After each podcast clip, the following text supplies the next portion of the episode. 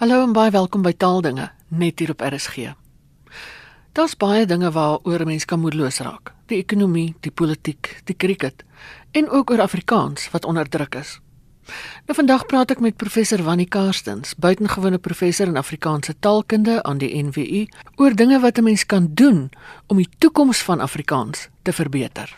Professor het in die formidabele, as ek dit so mag sê, storie van Afrikaans onder andere ook 'n toekomsblik op Afrikaans gegee. Met ander woorde wat mens kan doen om Afrikaans se plek of se posisie beter te maak. Hoekom is dit nodig om oor die toekoms van Afrikaans te praat?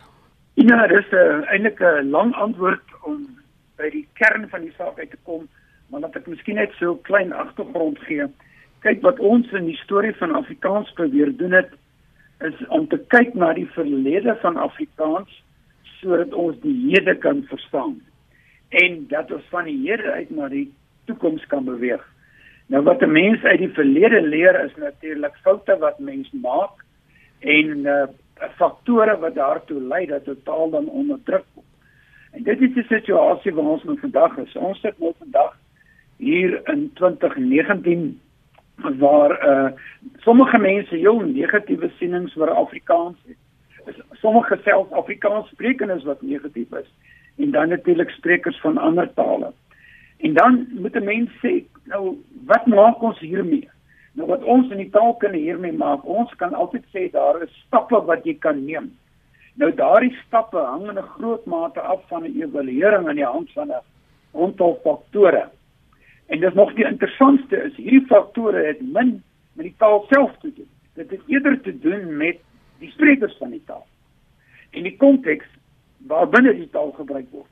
Dis nogal interessant want mense is altyd geneig om te dink, "Ah, dit gaan om die taal."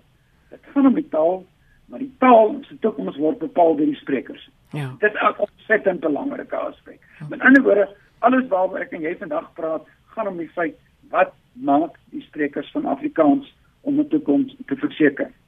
As jy wil kan ek vir jou daai faktore noem. Asseblief. Dan kan jy daarvan af verder gaan. Ja, asseblief. Ek het al aan vorige praatjies wat ons mee gehad het, het ek al vir mense dit genoem, maar dit is tog belangrik om mense dit net mooi net mooi begryp. Daai faktore wat uiteindelik 'n rol speel op die voortbestaan van 'n taal en veral dat sprekers aanhou om daardie taal te gebruik. Dis natuurlik demografie. Demografie het gewoon te doen met die samestelling van 'n taalgemeenskap. Is die sprekers minder of is die sprekers meer? En soos ons deesdae weet, uh, Ina is heelwat mense immigreer en met uh, die politieke onsekerheid in die land hoor ek al hoe meer die hele ding van ek gaan maar loop. Dit is nogal jammer, dit doen die taal enorme skade. Maar jy kyk ook na projeksies wat 'n mens maak in terme van die aantal geboortes van Afrika van kinders ja. en veral kinders in Afrikaanse gesinne en natuurlik ehm um, uh, uh, uh, mense wat sterf. Weet dit het alles 'n uh, beduidende impak op die demografie van Afrikaans. Jy weet daar is projeksies uh, aan die kant van statistici dat tot 2030 2035 kan die uh die die Afrikaanse gemeenskap, Afrikaans sprekende gemeenskap met 4 tot 5% verminder. Jy weet, dit is nogal 'n beduidende impak. En jy kyk dit maar net gewoon aan die hand van mense wat weggaan en natuurlik ook minder minder kinders wat gebore word. Dis 'n belangrike aspek. Hmm. En dan natuurlik 'n ander ander uh, kern kern aspek is die kwessie van die verlies op die wins van funksies. So ons het al in die verlede gepraat oor dat Afrikaans soos elke ander taal 'n klomp funksies het. En jy weet ons praat van hoë en lae funksies. Hoë funksies is daardie funksies wat jy gebruik om jouself op die hoër vlakke uit te druk soos in die media en kultuur en die onderwys en die kerk en die hof ensovoorts ensovoorts. Maar ook die lae funksie, hierdie funksie wat ons almal die taal elke dag in ons huise gebruik, spontaan gebruik. En as 'n mens nou kyk wat besig is om te gebeur, dan hou ek my hart vas. Jy weet Ina, ek het nou onlangs gesien en dit is tot 'n groot skok dat in my eie vakvereniging met die onlangse kongres wat die vakvereniging gehad het wat uit al taalkundiges reg oor die land bestaan was daar nie een lesing in Afrikaans nie. En Afrikaanse taalkundiges het selfs lesings in Engels aangebied. Ja. Jy weet, en dan begin mense sien hier is 'n funksie wat oor enorm baie jare verkry is is nou onderdruk want die sprekers van Afrikaans, sommige sprekers van Afrikaans sê ja, ek gaan nou maar eerder 'n ander taal praat oor my navorsing as om dit ook in my eie taal te doen. Onthou net mense sal my nou kritiseer en sê ek sê ja, jy hoef dit nie in Engels te doen nie, dis gewoon nie waar nie. Ek sê doen dit ook in Engels, maar ook in jou eie taal. Ja. En dit is 'n funksie wat is verloor. Dit is net net daar. Ons kyk na die Afrikaanse skole wat minder word. Die Afrikaanse universiteite, dan sien jy dit. Maar in baie van hierdie gevalle van die verlies van funksies is dit Afrikaanssprekendes wat 'n rol speel. In ander woorde, dis 'n faktor. En dan natuurlik 'n belangrike faktor is die kontak met sprekers van ander tale. Wat gebeur as ons met ander taalgemeenskappe te doen kry? Kyk, mense wat emigreer gaan na 'n nuwe land, Australië, Nieu-Seeland, Kanada, VSA, Nederland ensovoorts en dan neem jy die taal oor en met verloop van tyd gaan jy daardie taal dan in jou gesin verder neem. Met ander woorde, jy word geassimileer. En dit lei op die ou en tot taalverplasing. Dit kan voorkom. So taal kontak met sprekers van ander tale gaan 'n impak hê. En hoe langer mense die kontak het met 'n taal soos Engels, hoe meer gaan jy dink dat Engels tog uiteindelik maar die taal van prestige is Ja. en dat ek nie my eie taal hoef te gebruik nie. Dit is 'n kopding. Dis iets wat mense in jou kop glo. En dan 'n ander baie belangrike faktor, en dis nogal een van die kernfaktore van van van 'n van 'n taal. Dis 'n kwessie van wat is die houding van die sprekers van eie sprekers en ander sprekers van ander tale teenoor jou taal. En ons weet Afrikaans het nou nie juis 'n uh, baie goeie rekord nie. Julle het nou onlangs in die parlement het 'n uh, uh, parlementslid uh, van die EFF gesê Afrikaans is 'n walglike taal. Ja, ja. Nou ja, en uh, ons uh, regerende party is ook nie te positief teenoor die taal nie. So jy weet, you know, dis houdings, dis wat mense sê, ek hou nie van die taal nie, want die taal en die sprekers verteenwoordig vir my iets besonder negatief. Nou, dit is 'n dilemma. Al wat 'n mens letterlik kan doen is om daardie houdings te verander. En dis belangrik. Dit is 'n groot mate waarom dit gaan oor die toekoms van 'n taal. 'n Taal se toekoms word bepaal deur die houdings wat mense wat die eie sprekers daaroor het en wat sprekers van ander tale daaroor het. Want as die sprekers van ander tale positief oor jou taal voel, dan gaan die mense daardie taal aanleer en vir daardie tale geleenthede gee. En maar as die sprekers van jou eie taal begin moed verloor, nou ja, dan weet jy jou taal taal jou sprekers gaan al hoe minder word. Ons het byvoorbeeld nou die dag was daar 'n berig in een van die Sondagkoerante dat op skole op die Kaapse vlakte word al hoe meer skole Engelssprekend en uit die 15 skole waarvan hulle gepraat het, was daar eintlik maar net 2 wat nog Afrikaans. Nou is die vraag, wat is die rede daartoe? Is dit 'n gegewe of is dit 'n tendens? Aan die hand waarvan gebeur dit en 'n mens sal navorsing hieroor moet doen. Maar uiteindelik gaan dit om die feit van wat dink die mense van Afrikaans en die sprekers van daardie taal. En dan is dit nogal iets waaroor 'n mens bekommerd moet raak. Maar uiteindelik, Ina, soveel mense het al gesê in die verlede, die toekoms van die taal lê in ons eie hande. En nou is die vraag, wat kan ons doen? Voor ons by wat kan ons doen kom, ek wil ek net 'n opmerking maak. Ehm um, daar was ook 'n rukkie terug in die koerant 'n berig oor die ehm um, moslemgemeentes in die Kaap wat ook al hoe meer Engels word. En dit daar sit eintlik 'n vreeslike groot ironie in, nie waar nie? Want dis waar die eerste geskrewe Afrikaans vandaan kom.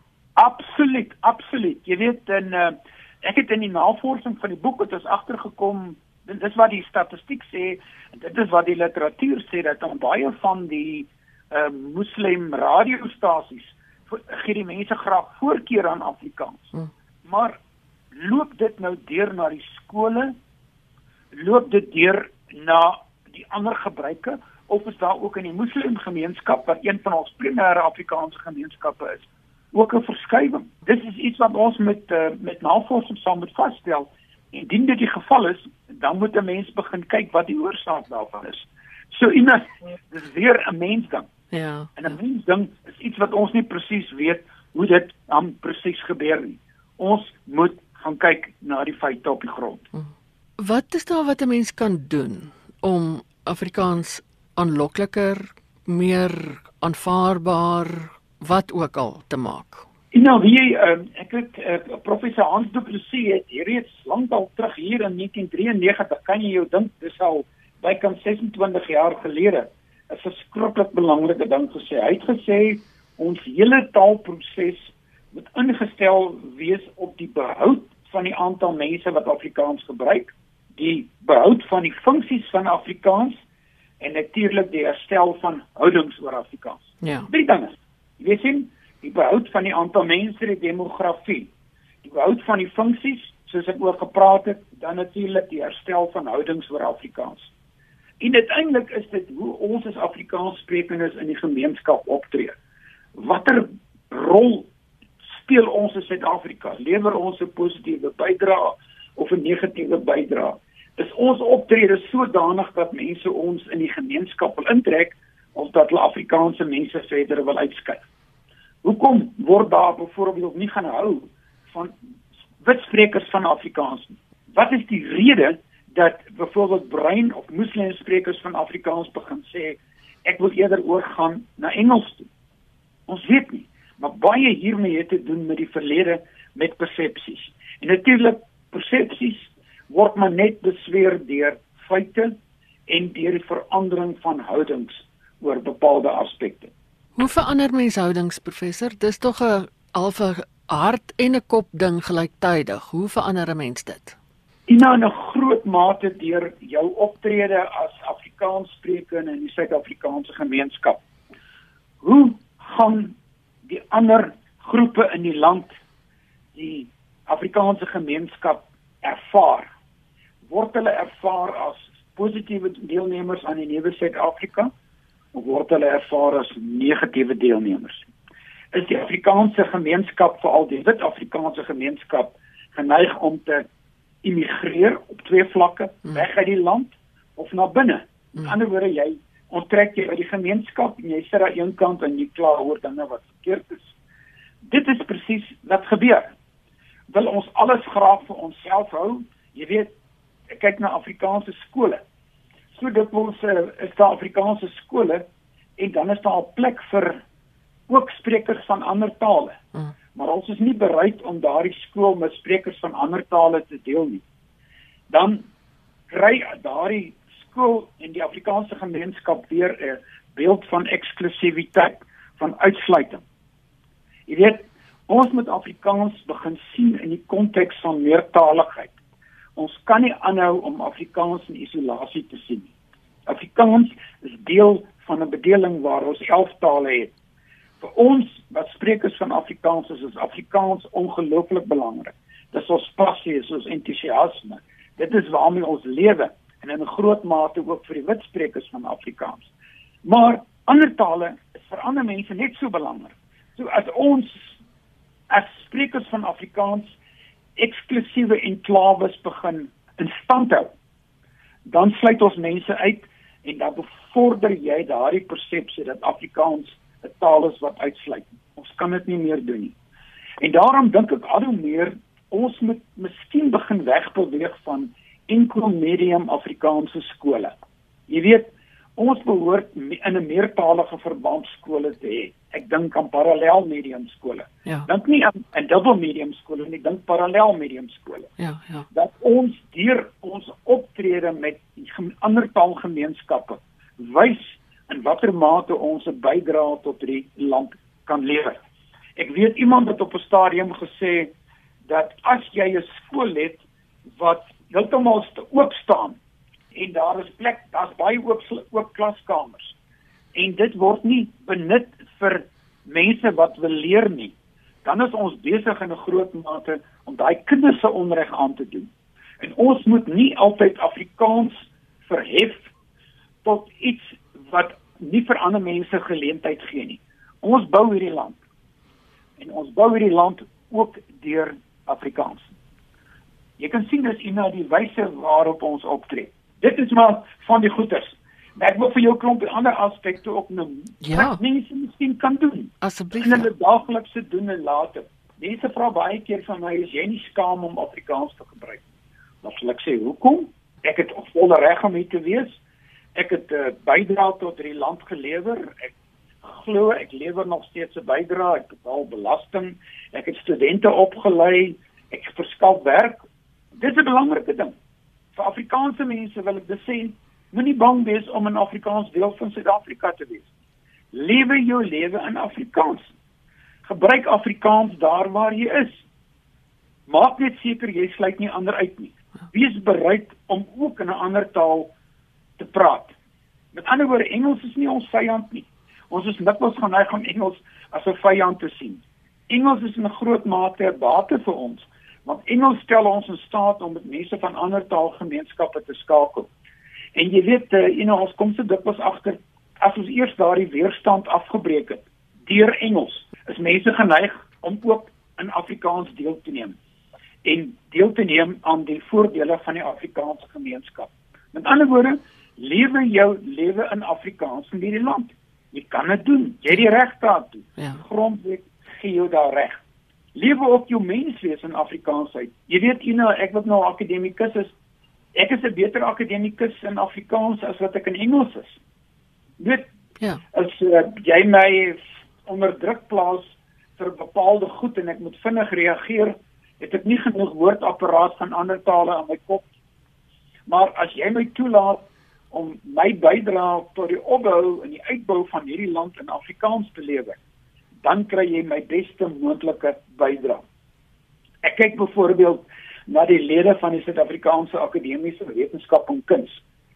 Duisend uiters kundige lede, almal Afrikaans sprekende mense. Maar die akademie is weens die verlede op 'n manier geetiketeer dit hoef nie so te wees nie hmm. want daardie Afrikaanse wetenskaplikes het deur dit wat hulle uitgevind het in die wetenskap 'n enorme bydrae te lewer tot die welstand van die land.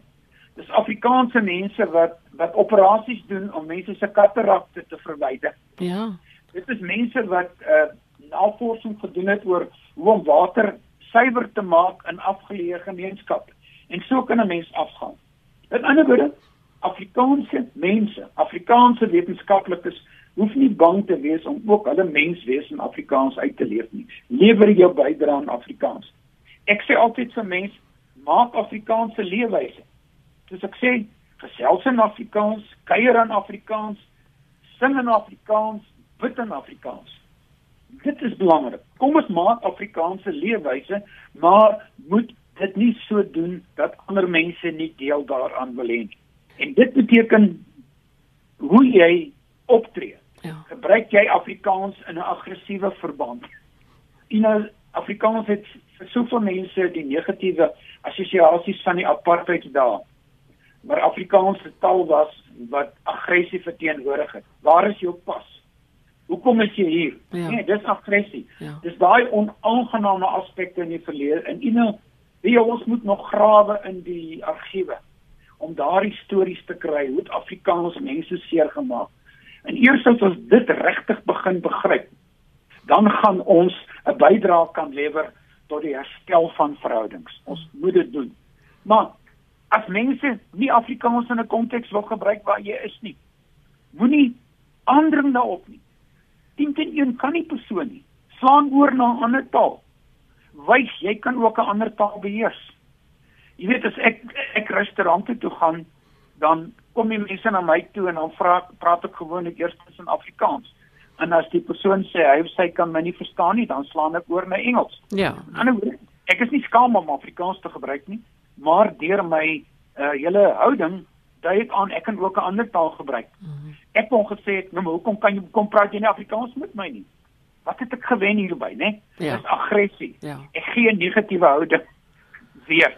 En ek wens en nou soveel mense kan dit begryp. Hmm. Veral as ons mense van ander etniese groepe praat. Soveel Afrikaans sprekende mense is nog steeds in 'n negatiewe verband met mense, swart mense of bruin mense. Dit dit is nie goed vir die beeld van die taal nie. Hmm. Hoe projekteer ons ons menswees in Afrikaans met aggressie? Daar is nog baie miskien dit 'n laaste een wat ek nog net vir jou kan noem. Ja. Dis miskien goed. Moenie dom dinge in Afrikaans doen nie. Jy weet, uh, soms dring ons in kontekste aan op Afrikaans en ons gebruik daardie ou simbole uit die verlede wat weerspieël die negativiteit wat mense teenoor Afrikaanse mense het.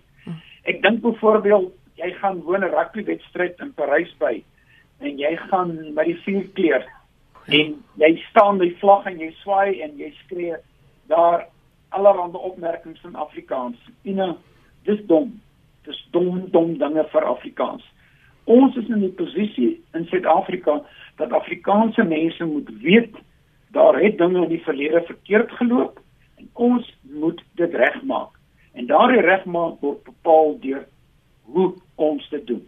En as jy dom dinge doen, dan skaad jy die taal. Dan help jy nie bou in die toekoms van 'n taal nie. Dit was professor Wannie Karstens van die NWU.